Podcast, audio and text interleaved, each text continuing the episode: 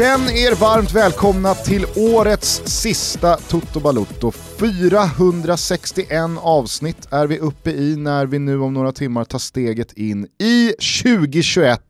Ett år vi hoppas blir lite bättre än det som precis eh, fortlöpt. Ja, men jag tänkte på det när jag lyssnade på Niva avsnittet, det första, del 1 som vi släppte på julafton, eh, när det blev väldigt dystopiskt, eh, det är ett ord vi använder ofta eh, i de här tiderna, eh, och det blev så jävla negativt om att eh, fotbollen kanske inte kommer tillbaka, vi kanske kommer liksom komma till en annan vardag, en annan normalitet i fotbollen och inte stå i armkrok och hoppa med ryggarna mot målet och allt sånt där.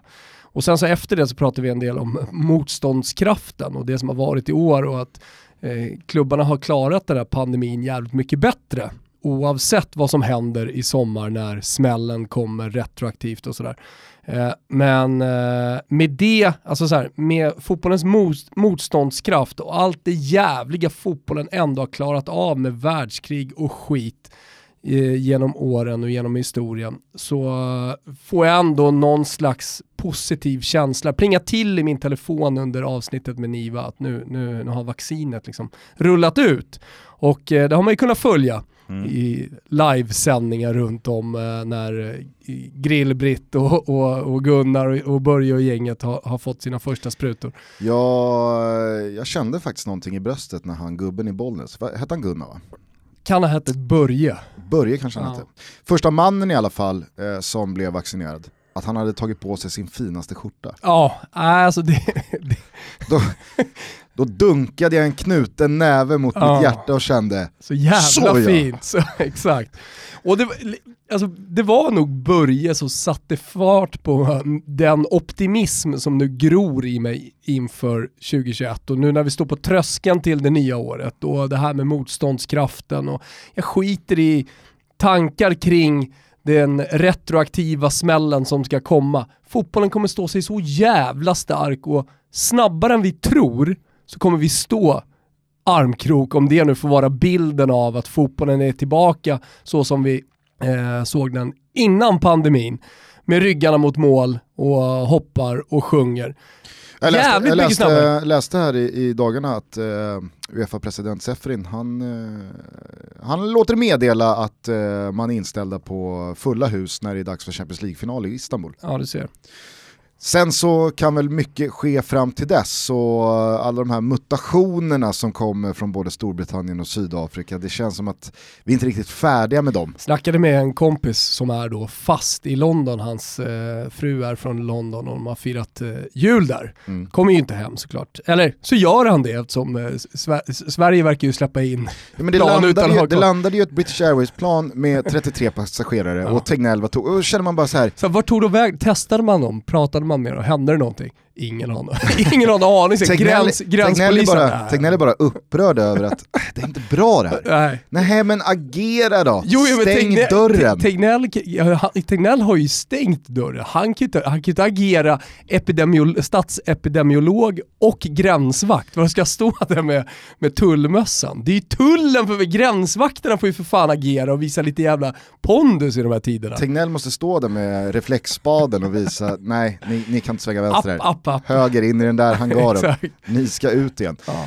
Det får en lite att minnas eh, den där delegationen av Daspo-ultras va, från Napoli som var mega avstängda men som fick specialtransport va? Från Arlanda rakt in i Solna och in på Råsunda när det var AIK Napoli. Kommer du ja, ihåg dem? Jo, just det. Det var ju liksom, eh, det, det var ju rena rama FBI-eskorten. Eh, ja men det var, det var liksom eh, stora svarta bilar med tonade rutor. och man fattade aldrig riktigt varför. Vem pröjsar för det här Mot, kalaset? Motorvägen har liksom hänt en gång de senaste tio åren. Det var när Obama var här? Ja, när Obama var här. Då stängde av hela E4 från Arlanda till Stockholm. Ja, men det har hänt, hänt två gånger. När Obama var här på ett statsbesök och när 100 Napoli-ultras skulle in på Råsunda. Mega avstängda. De hade ändå löst någon, någon ride in där på, på arenan. Eh, annars så får vi lyfta på hatten och tacka för eh, alla fina ord och eh, tillrop eh, gällande vårt årssummerande avsnitt tillsammans med Niva. Det var mest depp. Jo, men det var väl eh, kanske en eh, insikt kring eh, ja, men hur man själv känner och mm. att man själv började tänka på hur man upplevt det här året och så vidare. Jag vet inte, jag läste mm. några som verkligen la ut texten kring vad de kände angående avsnittet mm. och vilka poletter som hade trillat ner och så vidare. Ja, och det är därför jag vill förmedla den optimism som jag nu känner. Och det blir så jävla symboliskt starkt. Förmodligen så är det bara på grund av att Börje hade, hade satt på sig sin finskjorta och fick eh, sin första shot, för man skulle få flera. Eh, och eh, ja, men känslan som man ofta har när det är nyårsafton och man, man eh, är på väg in i ett nytt år. Alltså att man är lite positiv och det är lite glatt och det, det, ja, men det är någonting nytt. Sen har vi bokat Fuerteventura också, bara av bara farten. Så det känner jag också glädje över, att så jag ska nog fan iväg någon Du smider medan peppen är varm. ja, exakt. Ja. Eh, så att, äh, kom igen nu, nu kör vi. Mm. Eh, vi kan också vara lite transparenta med att det här avsnittet inte spelas in på nyårsaftons morgon. Eh, utan det här spelas in då, om jag inte är helt snett på det, måndag den 28 december. Jag har nämligen fått råda om lite i mitt nyårsschema och eh, piper direkt efter den här inspelningen upp till eh, vår familjs stuga i Härjedalen. Kör försiktigt. Låser in mig en mm. vecka till va. Jag är ruskigt trött nu på Roslagens leriga Bryggan. plus fyra graders skogar. Nu vill jag ha vinter. Ja, nu behövs det lite mm. miljöombyte faktiskt. Där uppe är det väl snö? Jajamän. Fan shout-out till alla våra norrländska lyssnare som har snö. Alltså inte för att de har snö eller någonting, utan jag vet inte, det, det känns som att vi glömmer bort dem. Nej, vi brukar väl alltid ägna en tanke åt Nicka-lukta-gänget. Just det. Någon gång i september. Ja men då kan vi väl göra det nu då. Ja. Gott nytt år. Gott nytt år på er.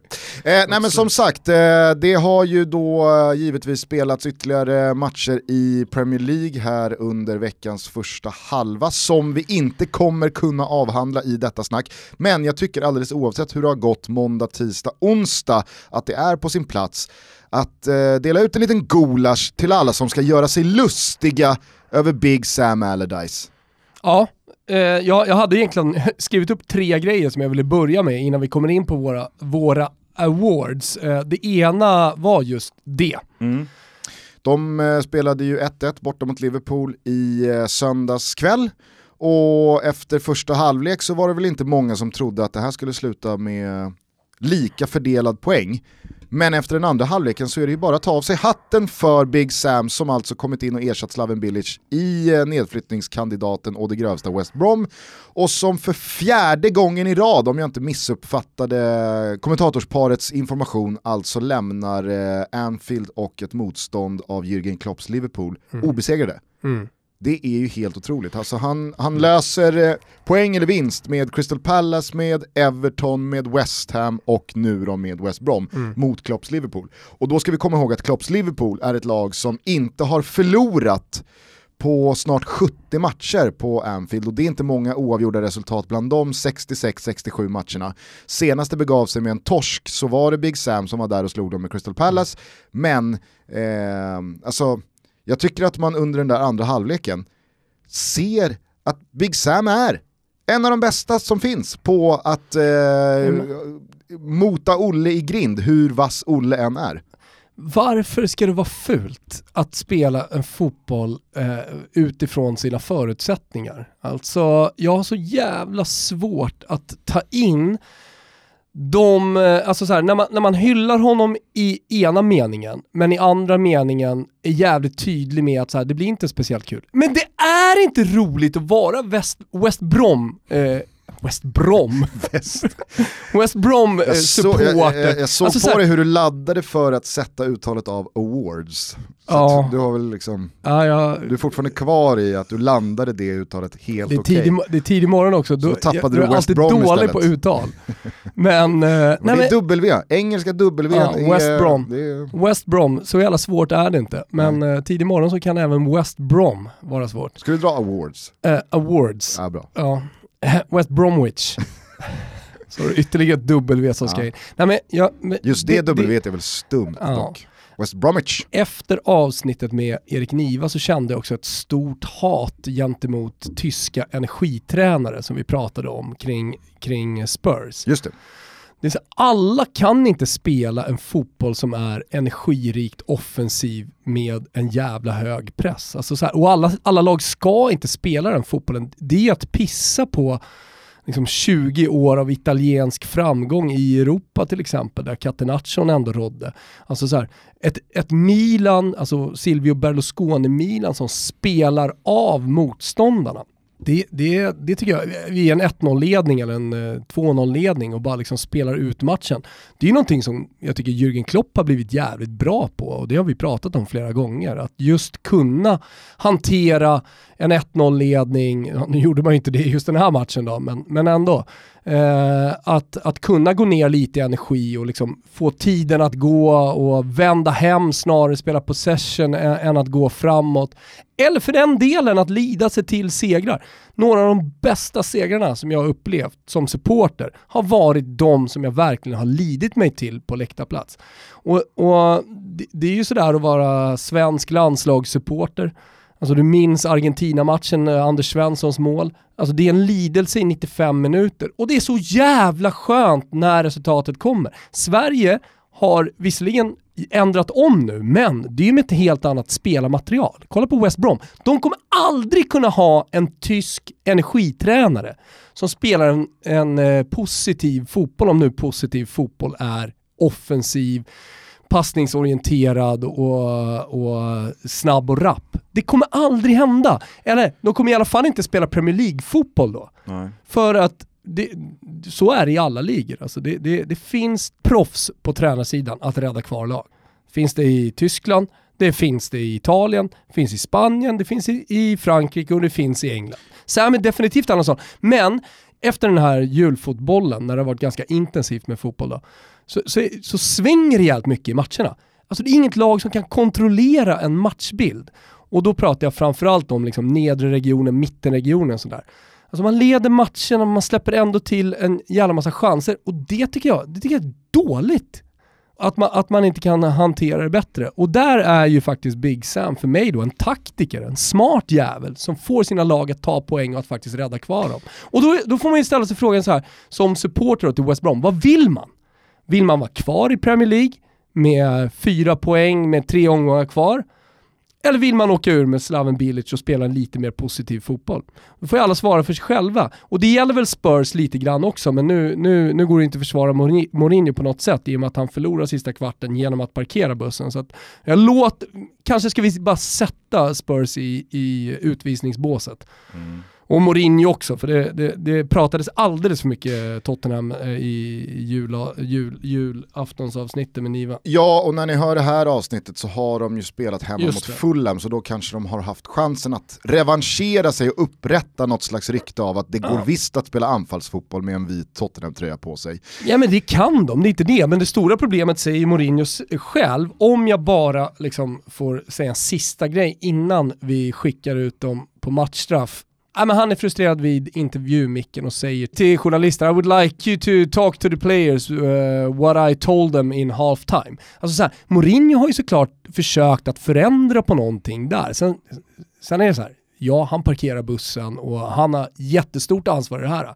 Men återigen, vad är det för enkla tekniska misstag som spelare gör hela tiden? Det är vansinnigt ju hur dåliga de är. Mm.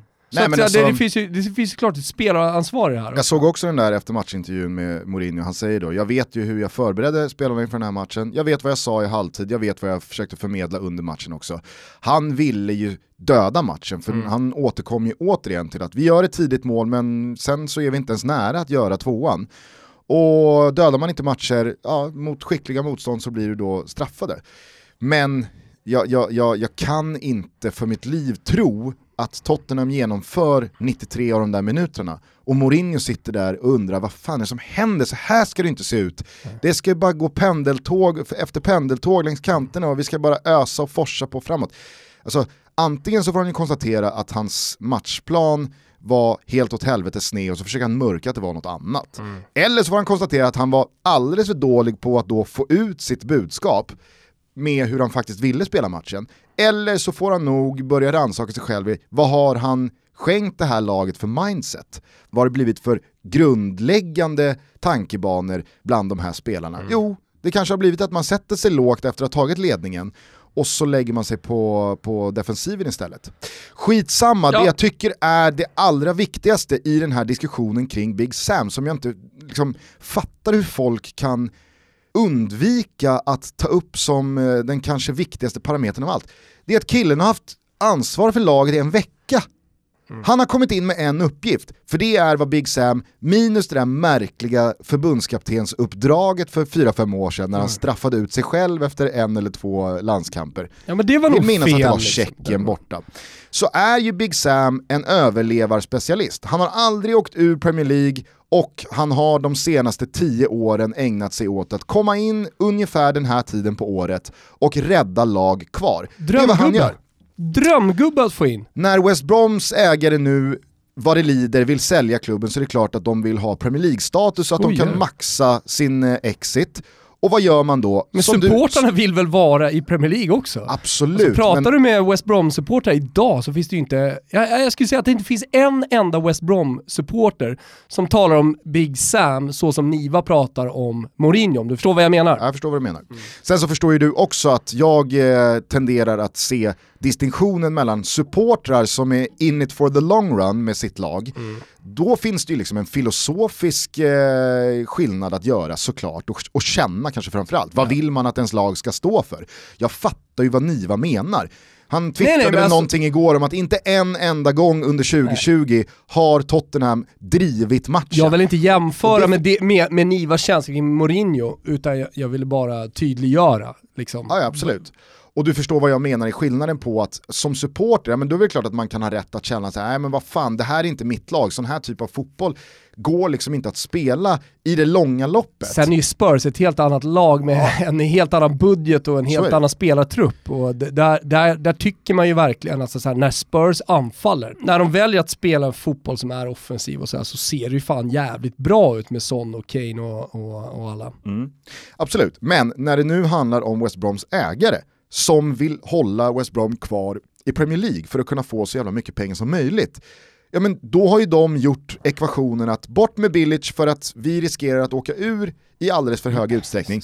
Ta in Big Sam, för det är vår bästa chans till att klara kontraktet. In kommer Sam Allardyce.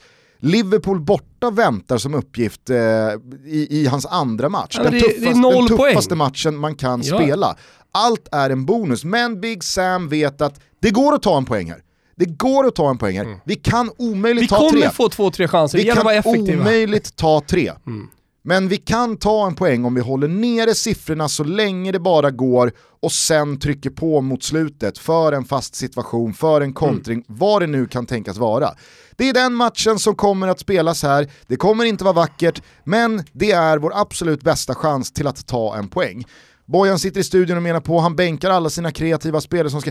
Absolut, men det vet väl alla också, att det är betydligt lättare att som tränare med 11 spelare hålla nere sina insläppta mål till ett, mm. kanske rent av att hålla nollan på en veckas eh, liksom prägel på ett lag. Det är inte så att Liverpool inte skapar någonting heller. Nej, och jag menar bara att alla vet väl att det är lättare att hålla nollan än vad det är att göra sex mål framåt. Mm. Alltså det är lättare så... att ställa spelare runt eh, eget straffområde och bara låta klockan gå för att max släppa in ett mål, än vad det är att sätta ett anfallsspel och hitta liksom eh, kombinationer och en systematik som gör att det bara visslar bland motståndarnas eh, försvarsspelare. Det tar ju för fan vissa tränare fem år att nå. Mm. Hur, länge, hur länge höll vi inte på här hemma och undrade liksom så här, när ska Jimmy Thulins Elfsborg börja liksom spela någon typ av duglig fotboll?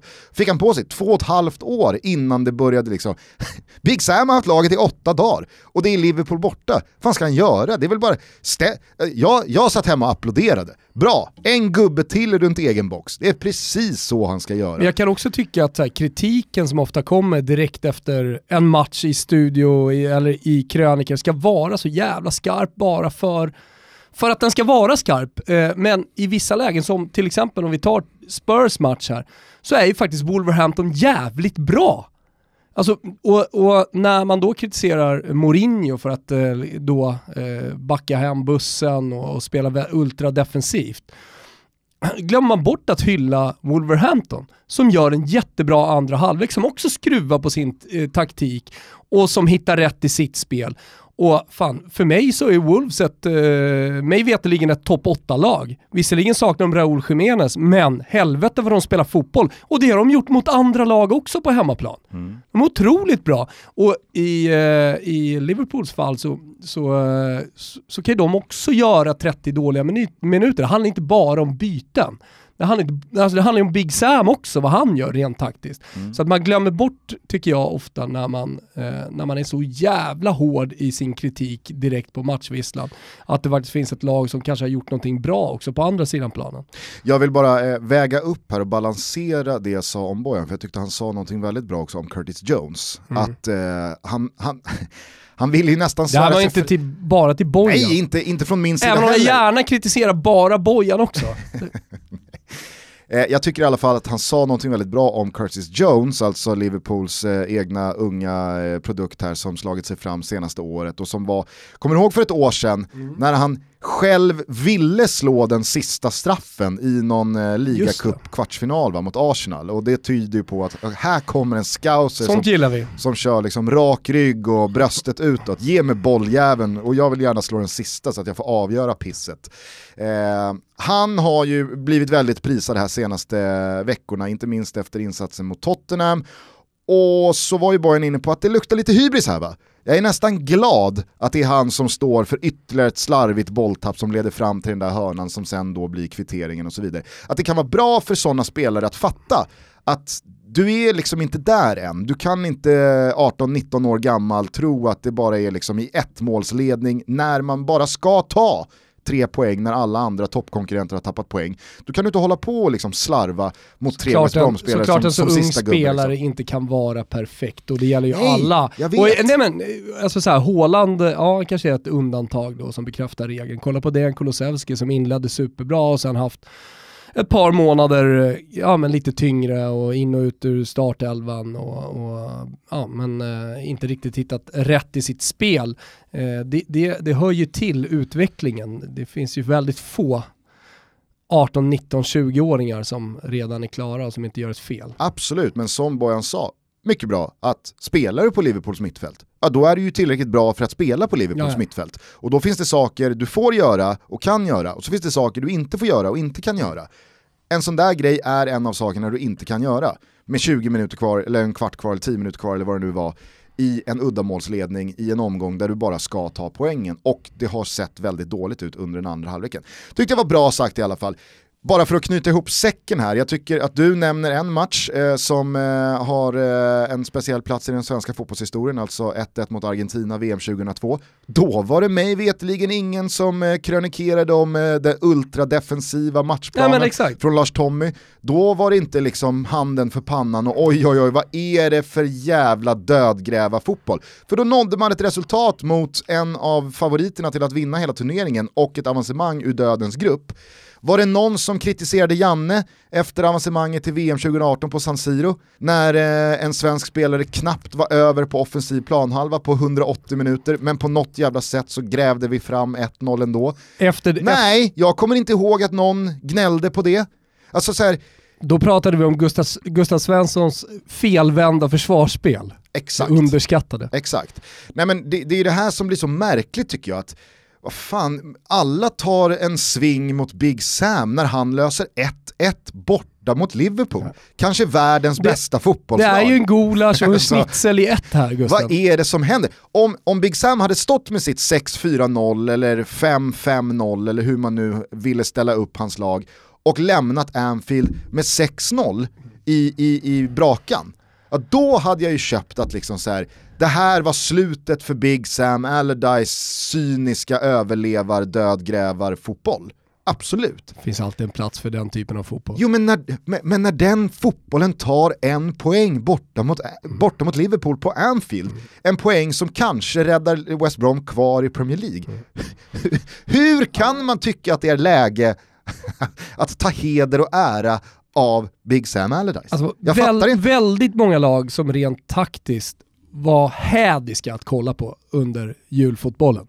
Alltså jag har sett så mycket Premier League alltså med dubbel och trippelskärm. Så jävla dålig fotboll mm. har det varit. Ja det har faktiskt varit inte, dålig, De har inte haft en susning om vad de håller på med, det bara, det bara svänger fram och tillbaka och idélöst. Äh, jag tyckte det var så jävla dåligt och kollar man då på West Brom som har en idé och en plan hur fan de ska ta den här pinnen, ja då blir jag glad. Mm. Och återigen då, har man varit ansvarig för ett fotbollslag i 8-9 dagar och har Liverpool på bortaplan som huvuduppgift, ja, men då måste man ju förstå att det är läge att parkera bussen för att ja. hålla nere siffrorna och försöka gräva fram någonting. Det är matchplanen. Sen när det kommer över tid, jag tror inte heller att West Brom klarar sig kvar i Premier League genom att spela sådana här matcher oavsett motstånd, oavsett hemma eller bortaplan. Då kommer det nog inte räcka till ett nytt kontrakt. Nej. Men i de här typerna av uppgift, alltså hej, hatten av.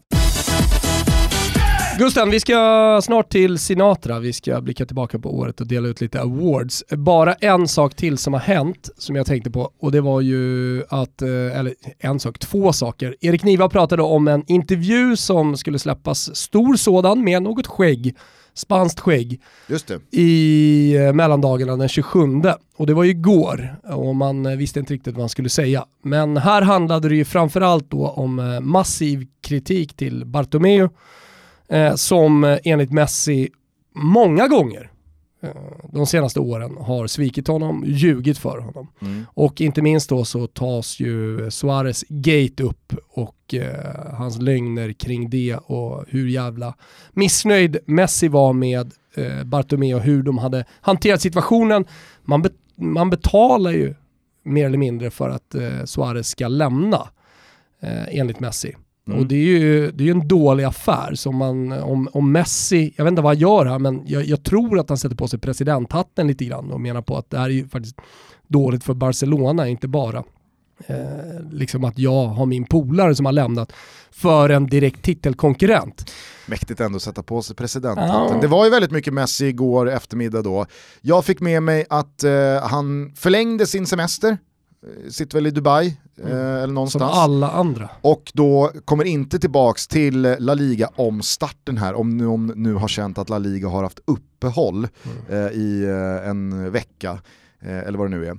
Eh, men sen då, då strax efter så kom beskedet, nej men Messi är skadad. Mm. Ah, ah, jag vet inte fan om jag tror på. Det vet inte fan om jag tror på heller. Och sen så signalerades det väl att han gärna, väldigt gärna avslutar karriären i USA. Mm. Vilket då många menar är något slags steg mot Manchester City som mm. då kan erbjuda och få till en lönedeal då eh, genom att dela upp ett kontrakt med två säsonger i Manchester City och sen två säsonger i New mm. York City. Ja, nej men exakt. Det var ingen jättebomb, nej. men eh, det var väl det tyngsta då. Att han fortsatte sin kritik mot presidenten, eh, men det var inget nytt. Det var kanske lite mer detaljerat. Inte chockad. Nej, det är man inte. Att, uh, men, men jag tycker definitivt att man fick känslan... kritik mot Bartomeu så här en, en månad innan presidentskiftet. Nej, nej.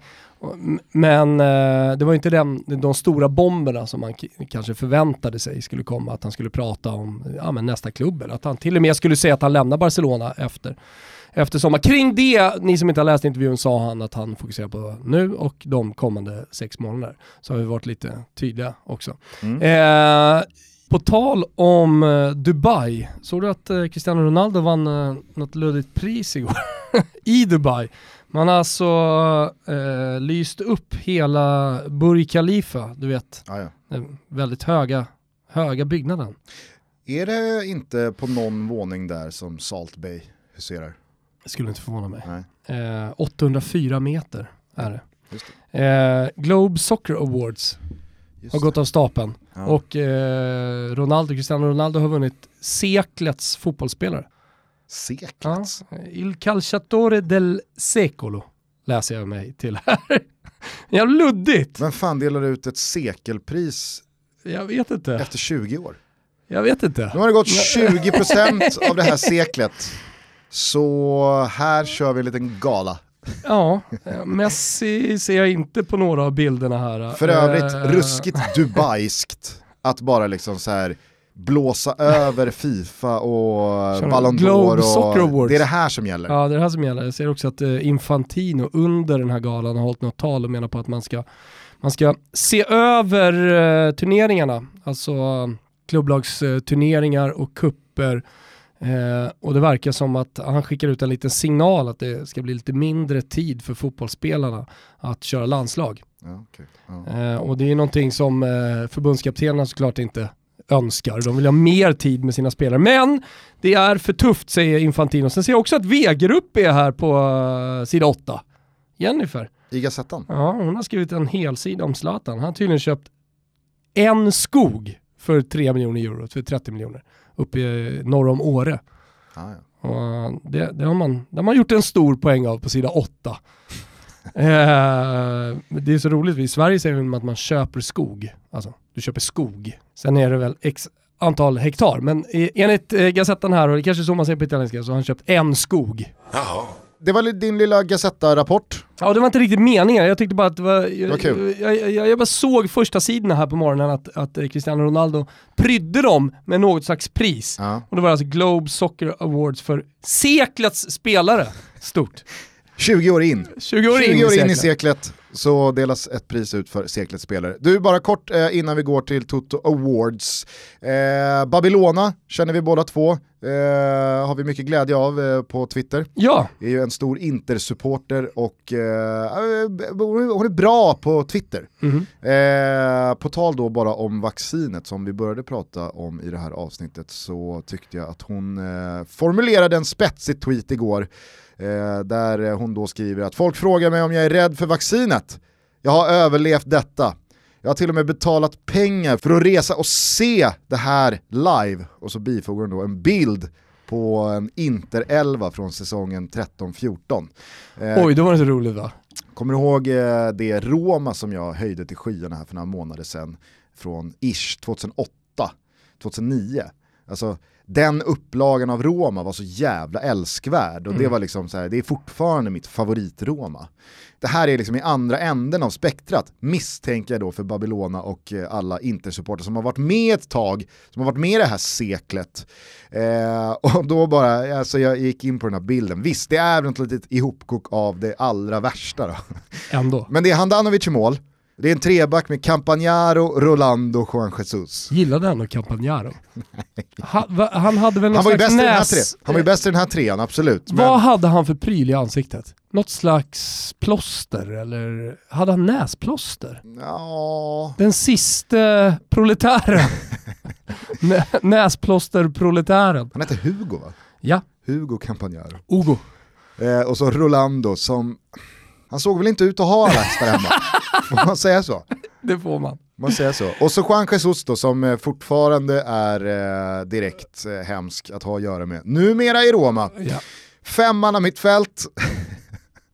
Eller med två wingbacks hur man nu vill ställa upp där. Jonathan och kapten Nagatomo på varsin kant. Och sen så ett eh, innermittfält med Kovacic. Det tycker jag är lite taskigt. Kovacic var ju jävligt bra. Alltså, han var ju så pass bra att Real Madrid Han öppnade pluskan Mm. eh, och köpte honom för väl en 300-400 miljoner. Där hade man väl kunnat stoppa in Freddy Guarin. Mm. Som Allman. hade den oerhört älskvärda egenskapen att var han än befann sig på offensiv planhalva så tyckte han att det var ett bra skottläge. Ja. Han kunde skjuta från... Och håll med mig, Hade passat bra i allsvenskan. Mm. Skjut! faktiskt. Men visst fanns det få spelare som sköt så pass hårt lågt som går in. Han Mm. kunde få sån jävla tryck i bollen längs marken. Den Mm. behövde liksom inte Ja, men lämna med, marken jag håller utan det var någonting med att han kunde skjuta låga skott väldigt hårt. Skitsamma, Kovacic, Kuzmanovic och Tajder. Kos, som han kallades bara.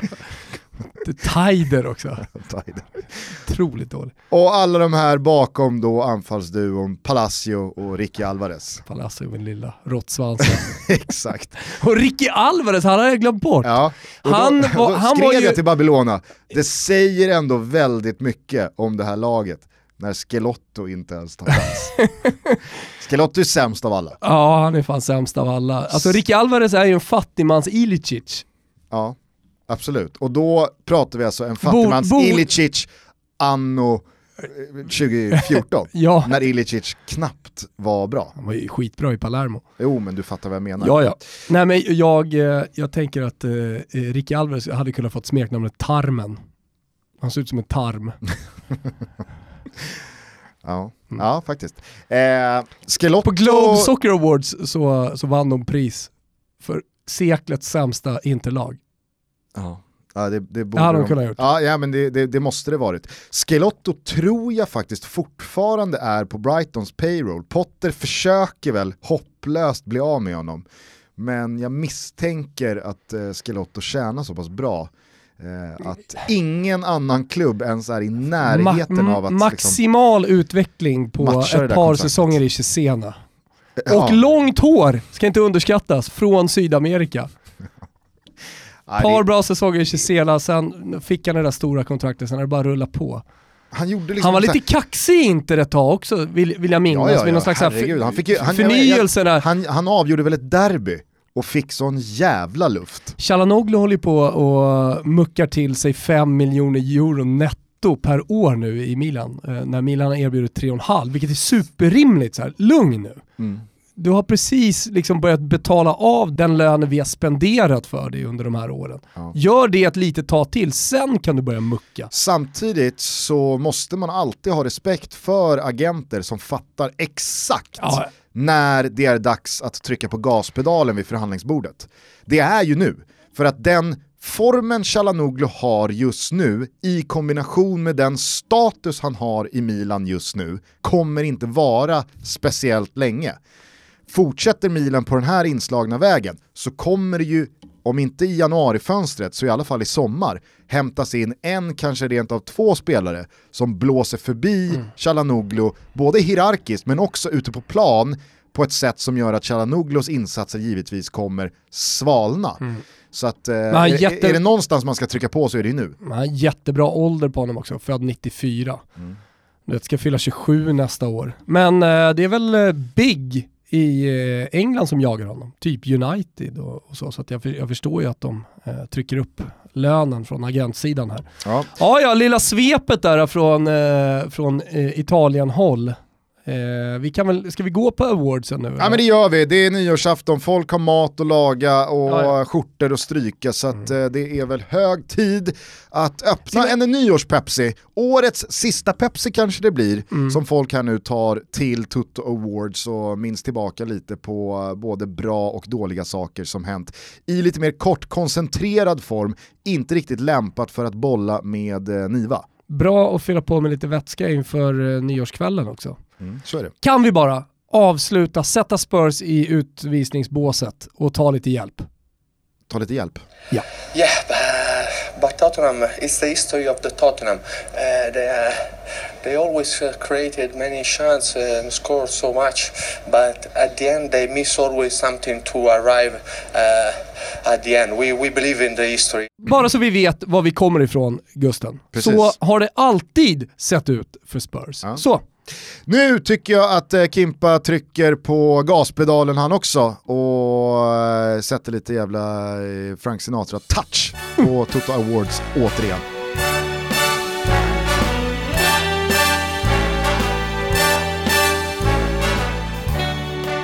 Ska vi börja helt oblygt bara med årets skyttekungsspel borta hos Betsson. Vi skruvar tillbaka klockan en sisådär nio månader. Det tornar upp sig för ännu en allsvensk säsong. Gugge Dahlin och Wilbur José gnuggar geniknölar, spåkulor och singlar fram varsin allsvensk skyttekung. Du tog Kolbeinn Siktorsson och jag tog Paulinho. jag hade ju precis pratat, jag hade varit ute på Karlberg, stått vid planen och eh, vid planen pratat med Rickard Norling. Och han, eh, han pratar ju om Kolbeinn Sigthorsson som om det vore Håland. Mm. Alltså det han gör har jag aldrig sett förut i ett straffområde. Han har varit på en nivå som eh, är imponerande. Han har ändå varit, varit tre titlar med Ajax och Nantes i eh, franska ligan och, och så vidare och så vidare. Och det, eh, båda är ju gott på något sätt. Ja. Samtidigt då som eh, Jesper Jansson eh, hade vunnit prestigekampen om Paulinho den spelare som väl, insert frågetecken, eh, har gjort flest mål i allsvenskan senaste decenniet. Jag tror att det var Paulinhos grej, han var den meste målskytten i allsvenskan under 10-talet. Seklets allsvenska fotbollsspelare. Typ. Nej, men så äh, lämnar ju Djurdjic och vem ska nu göra målen och så plockar man in Paulinho och så känner man kanske har ändå Bayern blivit ännu bättre nu. Straff efter 20, 22, 23 minuter vill jag minnas i eh, premiären. Boom. Boom. Där kände man, nej. Det är lite som att missa, eller förlora, första poängen i tennis. Ja. Aldrig ett gott tecken. Eller tappa eh, servgamet. Mm, ännu värre. Ja. Men första poängen är extremt viktig. Där började det ju för Paulinho, försökte väl liksom och gjorde väl något mål eller två första 8-10 matcherna men eh, andra halvan eh, av eh, den här allsvenska säsongen för Paulinho blev ju absolut ingenting. Jag tror, om jag inte är helt snett på det, att våra två allsvenska skyttekungar tillsammans landade på tre mål. Mm. det... Gör väl noll? Eller gör han det? Jag, jag, han tror petar in en han. Han gör, han gör en bra Brunkar match. Elfsborg kan, kan det varit Elfsborg hemma? Skitsamma. Grumligt i mina svartgula glasögon. Jag har ju lyssnat på eh, ganska många avsnitt av eh, Testa Stör, våra vänner mm. Svanemark Kviborg och Hoffmans AIK-podd under året. Det har varit roligt att följa deras liksom kollektiva tro, som du också var inne på här nu mm. med, med ditt snack eh, med Norling efter att ha varit nere på Karlberg och så vidare. Mm. Alltså, de gick ju in i den här säsongen också med en sån jävla tro på Sigthorsson. Mm. Nu har han krökat färdigt, nu är han fit for fight, nu ska det bara smälla, nu ska han visa klassen. Eh, det här är ju en spelare som har levererat under tid i ett lag mm. som Ajax och ett landslag som har gått starkt och så vidare. Men alltså successivt under den här säsongen så känner man, alltså, först är väl Kviborg och börjar troppa av. Nej, det blir nog ingenting med Kolberg. Svanen sitter ju och paddlar i den där kanoten så jävla starkt uppströms. Hoffman är näst av båten, till slut får till och med Svanen kapitulera och konstatera att nej, det, är, det är bara skit det här. Ja, och nu har de brytit med honom. Ja. Så vi får se eh, vilka spelare Tattarstör hittar till nästa säsong. Sen så har det varit ganska många andra roliga spel eh, borta hos eh, Betsson. Minns i somras när vi gick för påken, mm. tre raka toto-tripplar och det var puls när vi gick för då mm. den omöjliga påken, fyra raka. Vi hade ju jävligt roligt med travtutto. Eh, det var ju fantastiskt med Pokertutto. Pokertutto var Under eh, lockdown i våras. Vilka kvällar det var. Kommer ju komma tillbaka i något läge. En söndag borta hos Bengt Sonnert ja. på Hornsgatan. Ah, fy fan vad roligt Och det var, var. stege med steg, femma i... Ste, stege med fem. stege med fem. Ah, stege med fem. Ja, herregud. Jag är all in. På stege. Stege och fem. Alltså stege och fem? Alltså stege sen fem. SM eller? Ja, han hade steg S-högt. Jag är ute. Nej, du vann Nej, ju. Det var du som vann allt. Nej, jag vann! Det var du som hade På tal bara om det, det blir givetvis en uh, ny Toto-trippel här till uh, helgen. Uh, vi hade gott hopp om uh, Toto-trippeln här nu senast, men Chelsea stod för kanske hela Premier League-säsongens sämsta insats av ett mm. lag i derbyt mot Arsenal. All respekt till Arsenal som... Eh, som gjorde verkligen... det vi eftersökte, det vill säga spela med pondus på hemmaplan och visa vem det är som bestämmer. Ja men precis, eh, så de ska ju ha all cred, men Chelseas insats, brrr. Mm. Eh, och då spelade det inte så stor roll att Citys eh, seger hemma mot Newcastle stannade på två nya försök i alla fall till helgen. Det är fulla omgångar i England, i eh, Italien, i Spanien. Så det är bara att haka på. Det finns eh, Toto-tripplar ute från fredag via våra och Betssons sociala mediekanaler. Så glömmer ni heller inte att man måste vara 18 år för eh, att rygga och stödlinjen.se finns öppet dygnet runt hela veckan lång för dig eller någon i din närhet som känner att ni har problem med spel. Vad har vi mer för årets priser här som ska delas ut? Ja, men vi har årets chock. Ja, årets, årets, årets chock är ju Dejan Kulusevski. Just det, just det. Han var chockad. Dels så var det ju nästan lite chockerande att se honom slakta Serie A, men det var ju lite tag sen, men ändå så som han gjorde i Parma och bli eh, 10 målsskytt va? På säsongen och eh, typ lika många assist. Alltså, det var 10 plus 10 ringer en klocka. Otroligt genombrott han fick. Lite chockartat och sen på sommaren så tänkte man vart fan ska det bära av? Och så blev det då jätten, giganten Juventus. Chockartat. Chockartat startar han också. Det var det väl kanske inte, men var många skador. Men ändå. Och gör mål. Chockartat. I debuten. Och sen eh, så kommer vi då fram till det stora, eh, den stora chocken är ju eh, när han i en intervju säger så här. Hur kände du? Fick du tillräckligt med tid för att visa upp någonting eller, eller Nej, hade du behövt lite mer? Nej, det tycker jag inte. Alltså, jag, jag blev chockad. Ja, så årets chock är ju given. Det får man säga. Årets märkligaste sejour. Mhm. Vet du vilken det är? Eh, nej. Det är Christian Eriksens sejour i Inter. Ja. Som nu eh, sannoliken eh, verkar vara över alldeles strax. Mm. Eh, Inter har väl kommunicerat med att han Paredes ska rak- lämna i, eh, i januari. Dock så har jag förstått det som att om det nu blir så att Pochettino tar PSG från Tuchel, eh, Så är det väl? Jag tror inte att det är officiellt och Ah, presenterat. Nej, Eh, men så Kanske är när det. ni hör det här. Eh, men då ska det innebära no-go då för eh, Christian Eriksen till PSG eftersom Mm. Pochettino inte vill ha Christian Eriksen utan istället då vill ha Dele Alli Mm. som sitter i eh, Mourinhos frysbox Just i Spurs. Men överlag, kan du minnas en så högprofilerad spelare handplockas till ett så liksom stort lag som Inter av en tränare som fortfarande är kvar och sen liksom fått ut exakt så lite som Christian Ja, Eriksen men- har fått ut under 2020. Ja, men det är väl, eh, svaret är väl att han inte är handplockat av Conte utan att det är eh, Beppe Marotta som, som liksom fick in honom, såg en möjlighet när chansen dök upp och, och tänkte att det här måste ju Conte kunna få till.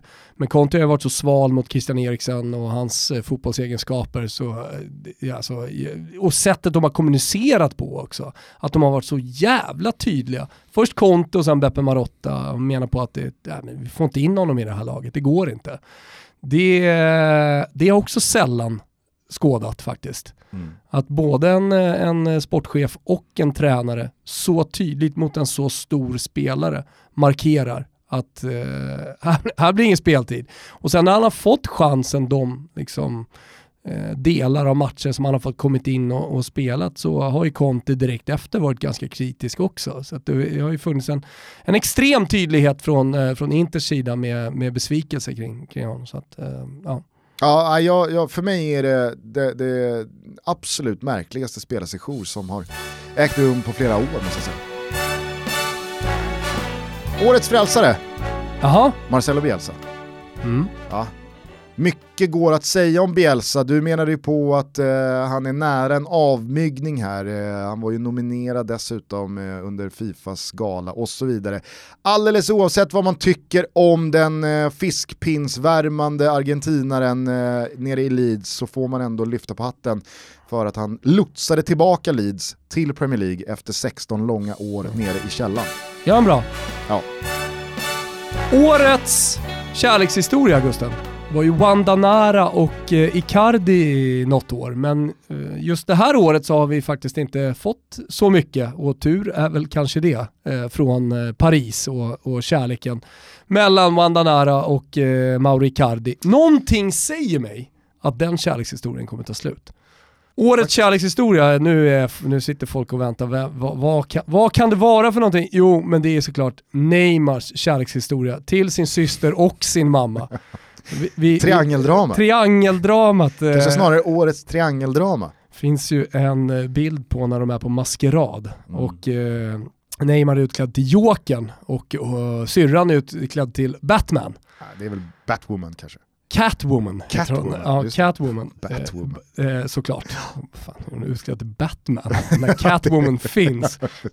Hade varit, hade varit roligt i och för sig. Riktigt kinky triangeldrama. Neymar påpälsad av eh, syrran i strap-on med Batman-utstyrsel. Vad vet jag? Vi la ut en bild på vår Instagram när han tittar, ja, läskigt kåtigt på sin syrra. Ja, det det Och faktiskt, eh, vi det, har ju sett när han har smiskat på mamma på rumpan tidigare och det är inte bara varit känna på det utan det har varit med passion. Årets kärlekshistoria, given! ja, jag tycker ändå att vi korrigerar till årets triangeldrama. Ja okej. Senaste bara på Neymar, såg du det? Att, eh, han är hemma i Brasilien här nu under eh, rehabiliteringen, inom citationstecken, Mm. eh, av sin skadar. Skulle han ju ställa till galej. 500 pers på gästlistan. Så var det någon som bara, men du, coronan då? Äh. Men det är väl inga problem borta i Brasilien väl? Presidenten har varit väldigt tydlig med... Ja, nej visst, Bolsonaro kanske inte är eh, den, den eh, bästa personen i världen på att dämpa en smittspridning. Men jag läste att det är eh, någonstans 7,5 miljoner konstaterade smittade personer i Brasilien. Men det hindrar inte Neymar från att ställa till med lite Nej, nej. fest. Årets namngenombrott. Ibland så finns det ju genombrott och så finns det namn. Jag har ett namn, namn, Ibland namnbyte. så står stjärnorna så rätt att det är en spelare som slår igenom samtidigt som man har ett jäkligt bra namn. Fan, den här känns det nästan som att jag har på tungan. Nej, jag, jag, jag, jag är Namne- konsumerat. Namne jag, med en gammal diskuskastare. Okej. Eh, ja, ja, ja, Ricky Push. Ja, jajamän. Ricky Push klev in på den stora scenen. Jag tänkte, nu är det inte så att han har slagit igenom, men det har ju hänt någonting med Stefano Vecchia eh, det här året. Och det har man ju inte minst sett då i reklamerna nu på slutet. Han har ju eh, gått fram starkt där och jag hörde en intervju med honom när han pratade om sin farfar som en gång i tiden spelade i Inter. Jag hörde en intervju, han, han, han har blivit en star i Sverige och han kommer ju gå till eh, något lag och börja pratas om i landslagssammanhang. In i, om, jag, om jag nu ska titta i spåkulan 2021, en spelare som man kommer prata om eh, inför den eh, uttagning som Janne Andersson ska göra innan EM, alltså den, de här träningslandskamperna, eller VM-kval. Det är VM-kval. Det är VM-kval, herregud. Eh, är Stefano Vecchia. Ja, okej. Eh, härligt då. Årets eh, tränare utanför eh, rikets gränser va, ger Sam- den till eh, Hansi Flick. Ja. Som också får ett pris för årets osynk när han och hans tränarteam skulle lyfta Champions League-bucklan. Det var, Ja. det var hädiskt, Ja, ja. hädiskt uselt. Ja, det var det verkligen. Eh, men här hemma så delade vi väl ut den tidigt under eh, hösten till Henrik Rydström. Mm. Sen så var det någon slags äh, skit i det här va, som präglade Sirius avslutning av eh, allsvenskan. Mm. Vilket gjorde att de sjönk till en placering som jag vet inte, det, det kändes eh, svårt att då dela ut högsta betyg och kanske årets tränare till Henke Rydström. När då Jimmy Thulin gör det han gör med Elfsborg och kanske inte minst då Marcus Lantz gör det han gör med, med Mjällby. Så att det, få, det, det får väl bli någon slags svensk eh, lösning då, lite knytis, så att alla får en liten slice av årets tränare. Kanske. Kakan av de tre. Du, högt och lågt här. eh, Årets Serie B. Svenska coronastrategin. Ja. Aldrig har någonting varit så rörigt i Sverige som den svenska coronastrategin. Man har inte förstått någonting. I övriga europeiska, annars ganska röriga län- länder, som till exempel Serie Bs hemland, där har man i alla fall varit tydliga. Man har förstått vad det handlar om. Man har förstått vad man får göra och vad man inte får göra. Och det här tycker jag synliggörs eh, de senaste två veckorna. När det dyker upp en ny eh, instans. Och det är ju såklart ingen ny instans, men när Folkhälsomyndigheten går ut och säger en sak och sen så går då Riksidrottsförbundet och eh, Stockholms fotbollsförbund och följer Folkhälsomyndigheten som man har gjort hela året och säger okej, då kör vi, kör vi så här i, i Stockholm. Då dyker kommunmandatet upp och Stockholms kommun går och stänger alla fotbollsplaner trots att Folkhälsomyndigheten och då Riksidrottsförbundets tolkning tillsammans med fotbollsförbundet alltså eh, säger att det ska vara öppet. Så eh, det är eh, en sällan skådad jävla röra i den svenska coronastrategin. Årets Serie B. Årets konstprojekt eh, går väl till Rickard Norlings AIK, första 10, 15 omgångarna. Ja. Vilken, vilken mäktig ride han ändå drog på där Norling. ja, Ingen fattar någonting. inte minst spelarna. Ja. Och på det så tycker jag ändå årets golning går till Felix Michel. Ja, Som var ute och stack kniven i ryggen i Norling. Och eh, sen, I media, och sen försökte sig på en jävligt svag pudel, Ja. vill jag minnas också. verkligen. Men äh, Gnagets äh, första tredjedel av den här allsvenska säsongen, det var... Felix Michel går inte till Peking i januarifönstret. Det tror jag att vi kan äh, utesluta. Årets åh fan, Gusten. Mm. Fotboll kan inte spelas utan publik. Åh fan! Va? Alltså, Nej men viss, vissa tycker ändå att det är lite nice att sitta hemma och spela fantasy. Och parallellt med att man spelar fantasy och knappt ser matcherna, också spela FM. Är det inte så? Samtidigt så går det ju En uppenbarligen viss generation att bedriva fotbolls- fotboll utan publik på läktaren. intresserade. Ja, men det går inte. Nej, jag förstår vad Va? du menar. Jag ger den till mig själv Gusten, årets blackout. När vi gjorde pilotavsnitt till eh, det som blev Quizaleta borta hos Anders Nettelblatts Dobb-TV. Man deläger med David Fjell Jajamän. och Micke Fahlstedt. Yes. Är det fler spelare inblandade här som, som, ska, som ska nämnas eller? I delägarskapet? Jag vet inte. Hur som helst eh, så var det en jävla blackout när jag eh, klev in i gegenpressen och Smiser och gubbarna dök upp. Det var ju liksom inte mina gubbar, eh, det var ju dessutom under en tid när jag kollade på någon Premier League-fotboll. Det var sådana gubbar som är såhär, ja men det är han, och så säger någon, Smiser, just det, var så han hette. Men det var ju verkligen helt fel. Till dess då att Francesco Toldo Ja men då var det redan kört. Upp. Nej, men då, då, då, var det, då, då, då var skallen i bitar när Francesco Toldo dök upp. Eh, pass. Pass. Vad fan, eh, vad heter han? Eh, pass. Cole. Eh, ja men det, är- det är sanslöst. Pass. Eh, Peruzzi. Ja men sluta! Eh, pass. Min seklets målvakt, man ska säga. Sebastian Frey och eh, Toldo, mina målvakter. Inte ens det kunde jag sätta. Toldo! Ja, jag vet att det var Toldo, men eh, jag, Men det jag här fick, jag fick är ett lurigt moment. Årets domare, Steffe Pepsi. I år igen. Han hade dömt en match. Ny roll inom domarförbundet, given som årets domare. Så är det. Årets Kalle Halvarsson. Kalle Alvarsson. Är det Kalle Halvarsson? Ja, Ja. han får den i år igen. Kanske folk undrar, vad då årets Kalle Halvarsson? Vad innebär det? Ja men det är väl någonstans liksom talk the talk, men Mm. inte walk the walk. Exakt så är det. Man är exakt så härligt. Och sen när man inte har gått gången och får frågan efteråt, att då bara köra någon, nej men det gick bara inte. Det, det, det fanns inget där. Nej, men det lät ju innan på det som att det, det, skulle, det skulle funka. Men det, det gjorde det inte. Fick ju sig dessutom en känga av eh, hans polare. Jag vet inte hur bra polare de är, men det verkar ju som att de känner varandra Northug i någon, eh, någon ny norsk rap som han kör, Ah, okay. sång. ja, jag såg bara att Northug eh, gav ut en jullåt. Som jag tycker var Ja men det var helt den jag menar. Den är helt okej. Den är helt okej. Det är jul och land Ett år är gått, hva har jag ställt i stand?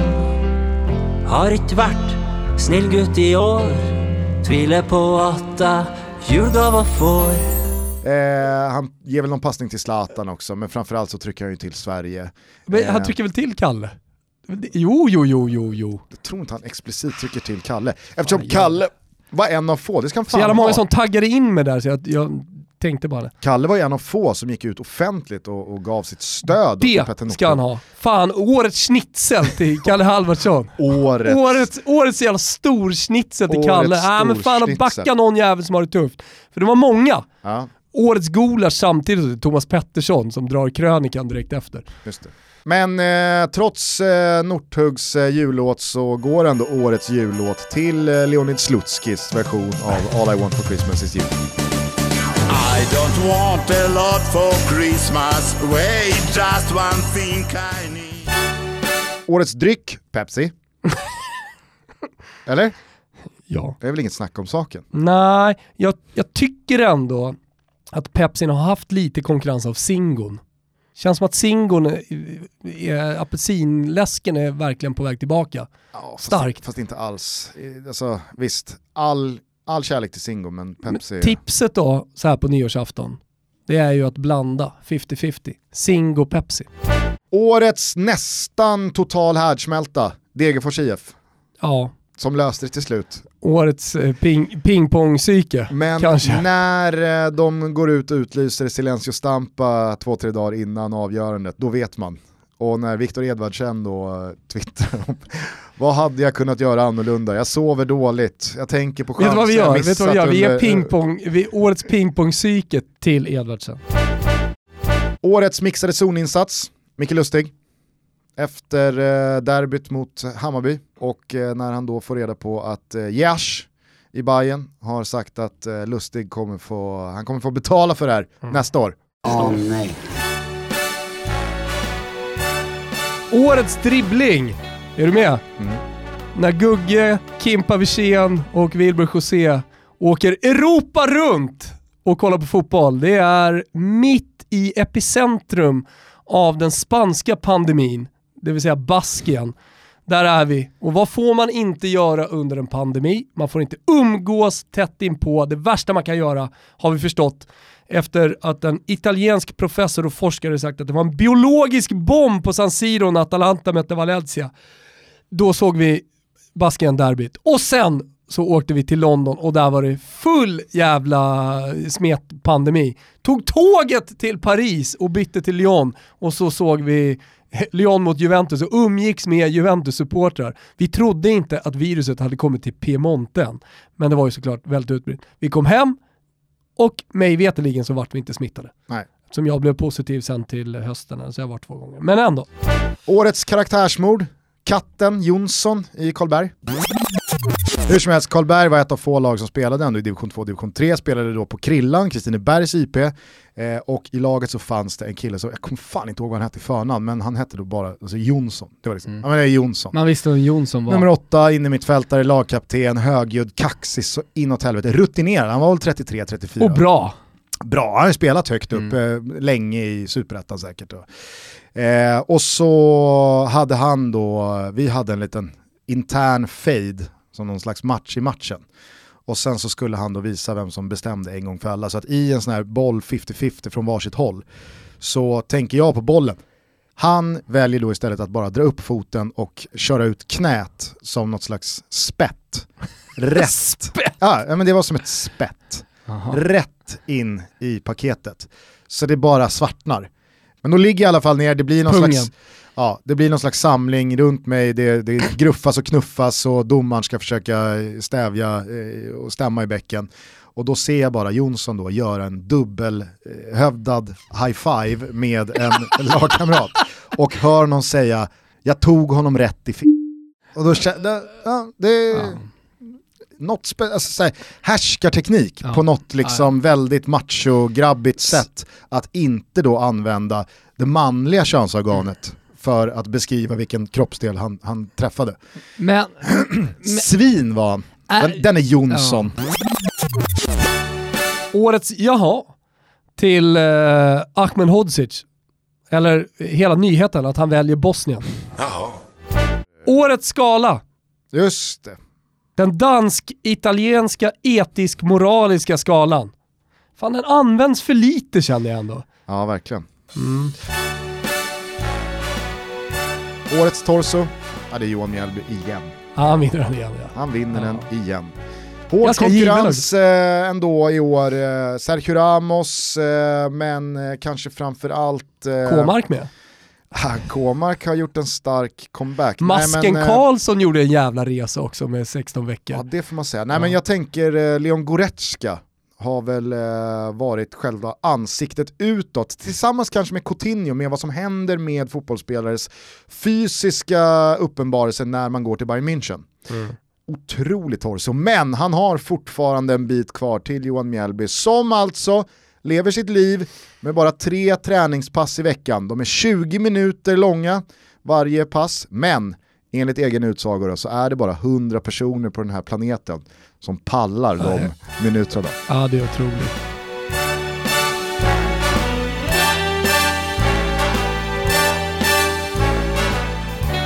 Ett par snabba bara. Årets titel måste vi ändå ge till Liverpool som vinner Premier League efter 30 år och eh, årets nykomling Leeds som är tillbaka i Premier League och sen så årets trippel till Bayern München. Årets inryck, när Heung-Min Son fick rycka in i eh, Just det. Årets sydkoreanska soldat. armén. Årets soldat, kanske. Eh, årets gästavsnitt, har du någon sån här på uppstuds? Eh, de flesta har varit dåliga. Skoja.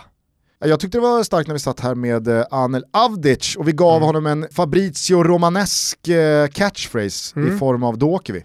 Just det. Fan, årets reporter till Anel Avdic. Finns väl ingen där ute som jobbar så hårt som han. Ständigt närvarande på träningsanläggningar och fotbollsplaner. Går ju som tåget som, som en svensk variant på Fabrizio Romano. Kanske ska han ta sig internationellt. Jag tyckte det var fint också när Limpan var här. Anders Limpar. Det var ett fint avsnitt och du såg ju vad som hände sen. Han letade parkering nästan en timme inför. Mm. Hur går det? Timme. Timme? Nej, 53 minuter. Nej, du är för jävligt. Varenda jävla gata. Årets copy-paste kanske jag ska komma in på då. Eh, men eh, det, det, blir, blir ju, eller det har varit ofta så, nu, nu går de sin egen väg, men, men tidigare, att Anders Limpar sen dyker upp i Studio Allsvenskan två veckor efter, att de liksom hakar på. Eh, men eh, fan, de gör väl avsnitt varje dag. Nu är det årets monolog till Ma- Marcus Birro som har tagit över stafettpinnen efter Christian Borell. Borell körde ju monologer på Sosta, Sveavägen och pratade rätt in i i datorn och så var det en podd då. Nu har jag sett på slutet att Marcus Birro kör monologen. Hörde du, eh, jag tror att vi ska börja runda av kalaset. Det är som sagt nyårsafton, det är så att vi går i mål med ytterligare ett perfect year av Toto Balutto, alltså ett kalenderår där vi gett ut minst två avsnitt i veckan utan uppbrott. Och nu dundrar vi in i vårt femte kalenderår som eh, Sveriges största fotbollspodd. Mm. Det är otroligt. Och det är, tror jag, ett otroligt år vi går in i. Alltså året då publiken kommer tillbaka till läktarna. Yes. Sverige EM. vinner EM. Sverige vinner EM med Zlatan längst fram. Ja, men vi har EM, vi har uh, publik tillbaka på läktarna, vi har en, kanske då en allsvenska där man kan dricka lite bärs med polarna och gå och stå med ryggarna mot mål och hoppa och sjunga. Ja. Nej, det blir fantastiskt. Häng med oss in i 2021. Vi hörs igen på måndag. Då blir det ett ordinarie måndagstutto. Missa nu inte all härlig fotboll från Italien och Spanien som ni kan se via Simors kanaler här nu redan till helgen. Så är eh, studiosändningarna tillbaka med mig bakom ratten eh, på onsdag nästa vecka den 6 januari när det är Milan-Juventus. Förhoppningsvis då Zlatan mot Krille Ronaldo. Det blir eh, ruskigt fint. Eh, missa heller inte alla härliga filmer och serier man kan se på Simor. Det är ett eh, nästintill oändligt utbud som finns att konsumera här eh, i eh, vinterledigheten. Missa heller inte den tävling vi har på Instagram tillsammans med Readly. Och ni vet väl vad Readly är? De har över 5000 magasin, både internationella och nationella titlar. Ja, men typ Offside, Café, Filter, eh, Automotorsport är någonting som jag börjar konsumera Gusten. Jag har blivit lite bilintresserad. Eh, hur som helst, där tävlar vi ut eh, årsprenumerationer, eh, så gå in på vår Instagram och kika på den. Mer än någonting så är jag och Thomas väldigt glada över att ni har varit med oss det här året. Det är nämligen så enkelt att utan er inget Toto. Så är det och som sagt nästa år blir jävligt roligt. Då ska det göras EM-poddar också och vi har eh, säkerligen någonting på Never Forget-sidan som ska göras. Men framförallt två gånger i veckan så rullar Toto på Gugge! Yes! Nu eh, skjuter vi lite raketer och kanske fjuttar igång en cigarr efter en bättre middag. Vad ligger på eh, tallrikarna i Casa Wilbur Jag, eh, nyårsafton? det, det kommer ligga hummer, det kommer vara stora mängder rysk kaviar. Stora mängder. Mm. Äta med sked. Alltså, jag tycker det är godast bara äta den och dricka iskall vodka. Ja. Mm. Kul. Mm. Fint. Själv då? Härligt. Skjuter någon björn på vägen upp? Ja, kanske. Fäller en ren? Precis. Nej, vi får väl se vad det blir. Eh, men eh, jag tror att eh, det är min bror som kommer stå Man bakom blir kastrullerna. trött, blir någon trött svamppasta med massa grädde i. Nej, inte, inte på nyårsafton. Okej. Hörni, vi hörs snart igen. Eh, ha en riktigt fin eh, nyårsafton. Gott nytt år och allt det där. Ciao tutti. Ciao tutti. I don't want a lot for Christmas. Wait, just one thing I need. And I don't care about the presents underneath the Christmas tree. I don't need to hang my stocking where upon the fireplace. Santa Claus won't make me happy with a toy on Christmas Day. I just want you for my own, more than you could ever know. Make my wish come true. All I want for Christmas